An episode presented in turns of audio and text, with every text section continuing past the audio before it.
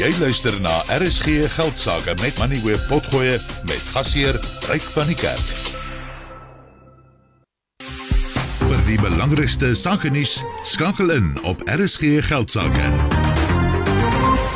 Gert Visser is 'n buitelandse valuta spesialis by Rand Merchant Bank en hy sluit nou by ons aan. Gert, baie welkom by die program. Die rand het uh, vandag deur die 18 rand vlak teen die dollar gebreek, nie vir kortstondig. Ehm um, dit het nou weer verstewig, maar as mens so na die grafiek kyk van wat die wisselkoers uh, gedoen het sedert die begin van die jaar, is dit 'n uh, so stelselmatige verswakking en ons is nou al bykans 7% swakker as in die begin van die jaar.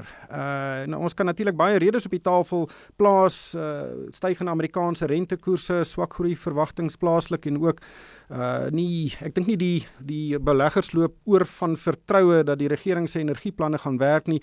Uh, wat, wat sien julle op die grond? Ehm um, wat wat dryf hierdie verswakking van ons geldeenheid? Ryk, dankie. Ja, jy het aan die hoofpunt raak geraak. Ehm um, nooit 'n vervelige oomblik nie. Uh so kom ons begin. Ons is dag op amper 1809. Die swakste vlak vir die jaar. Ehm um, ons ons vergeet ook gou ons was in November laas jaar op 4 op 1849 en in die begin van die uh, pandemie oor die 19. In enige terme is dit baie swak teenoor al die ander hoofgeldeenhede. Is ons die swakste vir die jaar. Was miskien 'n uitsondering van die Argentynse peso, maar dit is maar 'n lae volume eenheid. So ons doen bitter bitter, bitter swak en in 'n in ons uh van ons kant af skat ons die die die rand behoort omtrent op so 17.20, miskien 30 te verhandel. So definitief baie laer behoort te wees. En soos jy genoem het baie faktore daartoe. Maar kom ons gaan gevinnig deur die faktore en veral wat werklike impak het. En kom ons begin sommer by die huis. Uh daar is baie negativiteit op die oomblik. Beerdkrag is regtig baie erg. Uh en dit lyk nie heeltemal of baie mense saamstem dat die president en die regering se planne gaan werk om beerdkrag op die kort termyn uh, te verminder nie. Uh, Daar's ook groot kommer. Ek het vandag ook gesien dat iemand verwag dat of een van die groot ekonome verwag dat die ekonomiese groeikoers in die eerste kwartaal negatief kan wees. Uh het die plaaslike faktore volgens jou 'n wesenlike wesenlike impak op op hierdie of 'n uh, bydraende uh, rol wat hulle speel in hierdie swakke rand? Ryk absoluut. Dis nooit 'n eendimensionele probleem nie, maar die oorwegende ding op die oomblik is Eskom. Ek dink uh, baie van jou luisteraars het uh, dalk uh, waargeneem van Moody se waarskuwing wat vandag uitgereik is na die onlangse gesprekke van ons president en die minister van elektrisiteit en so aan is dit baie duidelik dat beerdkrag is hier om te bly. Nou daar's baie ander faktore ons kan vinnig gesels oor rentekoerse en wat ons invoer en wat ons uitvoer en wat in die res van die wêreld gebruik, maar hierdie is absoluut dit. Nou ons kan sê dis 'n ekonomiese faktor, maar dis ook 'n politieke faktor. So beerdkrag is hier om te bly.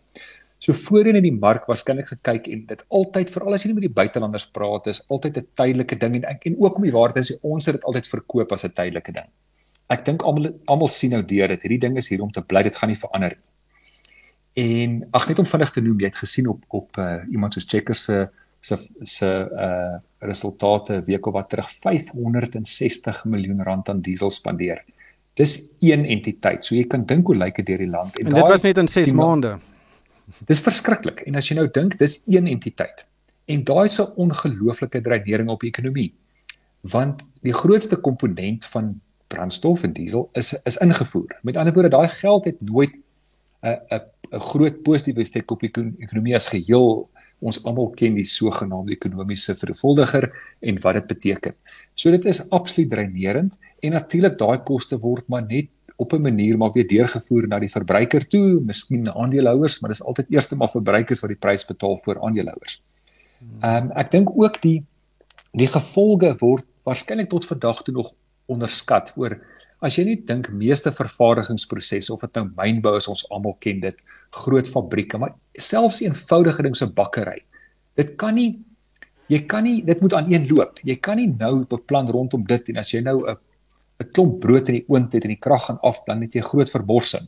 So daai die hele breë impak dink ek is nog redelik nie goed verstaan van van mense oral oor die impak op die ekonomie. Dit is dit is geweldig en ek dink dis nou wat begin deurskemer in hierdie hele proses. Ja, jy jy's nou nie 'n ekonom nie. Ehm um, en ek ek weet baie mense wat die die toekoms van die rand voorspel, dit sê baie meer oor die as iemand bereid is om 'n voorspelling te waag oor die persoon as wat die voorspelling werklik is, want dit is regtig baie moeilik om te voorspel waarheen die wisselkoers gaan. Maar ek het nou oor die afgelope paar weke gesien baie ekonome verwag 'n sterker rand. Ehm um, jy het ook nou net gesê julle dink 'n billike waarde is naby aan R17.20 teenoor die dollar, maar is is is die ergste ingeprys? Kan 'n mens 'n aanname maak dat die ergste dalk reeds ingeprys is en dan dat daar enige positiewe ontwikkeling is dat die rand dalk weer bietjie kan veld wen? Kyk, dis moontlik. Die groot daar's daar's kleiner faktore ons kan vinnig praat oor invoer en uitvoer, maar die die oorweegse uh, so dis politieke risiko waar ons gepraat het. Maar 'n baie belangrike faktor is rentekoerse. Die Amerikaanse en veral Europese ekonomieë uh, is nog onderwerp aan hoë inflasie. So hulle is onder druk om hulle rentekoerse hoog te hou. Ons sit nou hier seker in die beste voorbeeld van tussen die duiwel en die blou see. Ons inflasie is so te sê wel baie beter onder nader aan onder beheer as in in in hierdie groot markte. So ons moet ons rentekoerse hoog genoeg hou om aantreklik te bly as 'n beleggingsbestemming. Uh, terwyl ons ekonomie is besig om te sink. Dis 'n verskriklike moeilike balans om te hou want op die oomblik gee uh die dollar en die euro en so 'n goeie opbrengste. So die druk van van beleggers is baie minder om geld te belê in ontleikende markte waar hulle hoër opbrengste kry. So daai is 'n hele groot dis eintlik een van die grootste dinamikas wat wat wisselkoerse beïnvloed. En daar's ons amper net 'n passasier op wat hier gebeur.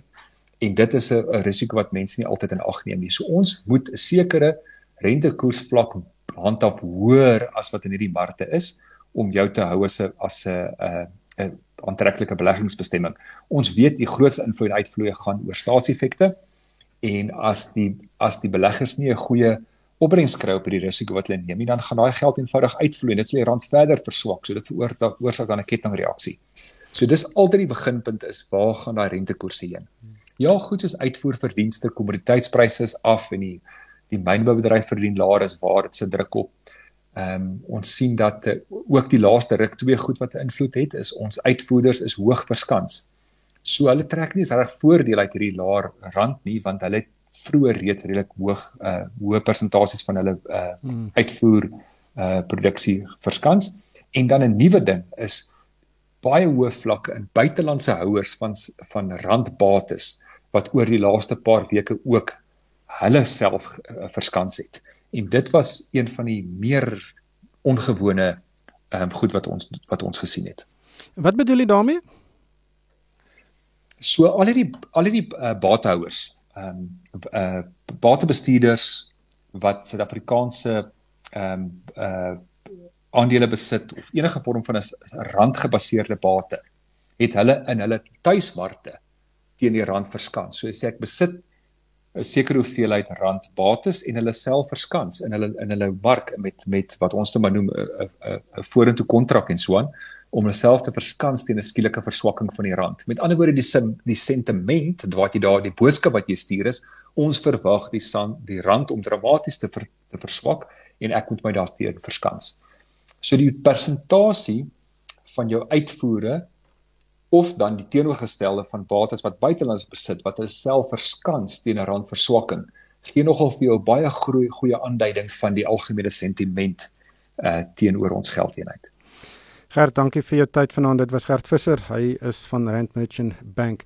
Theo, interessante opmerking daardie. Ja, en ek dink die die die die die die, die vir my die kerndeel van hierdie gesprek was tot baie onlangs het Gert en hy dit genoem het het het finansiële deelnemers en ek sluit myself in gereken Eskom is 'n tydelike beurtkrag is tydelik van aard.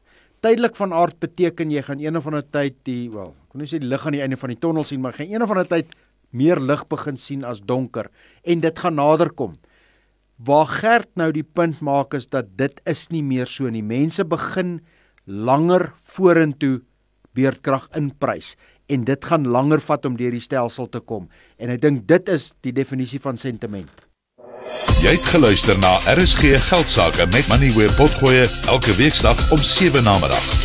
Vir meer Money where potgoe, besoek moneyweb.co.za of laai die toepassing af en volg Moneyweb News om dagliks op hoogte te bly.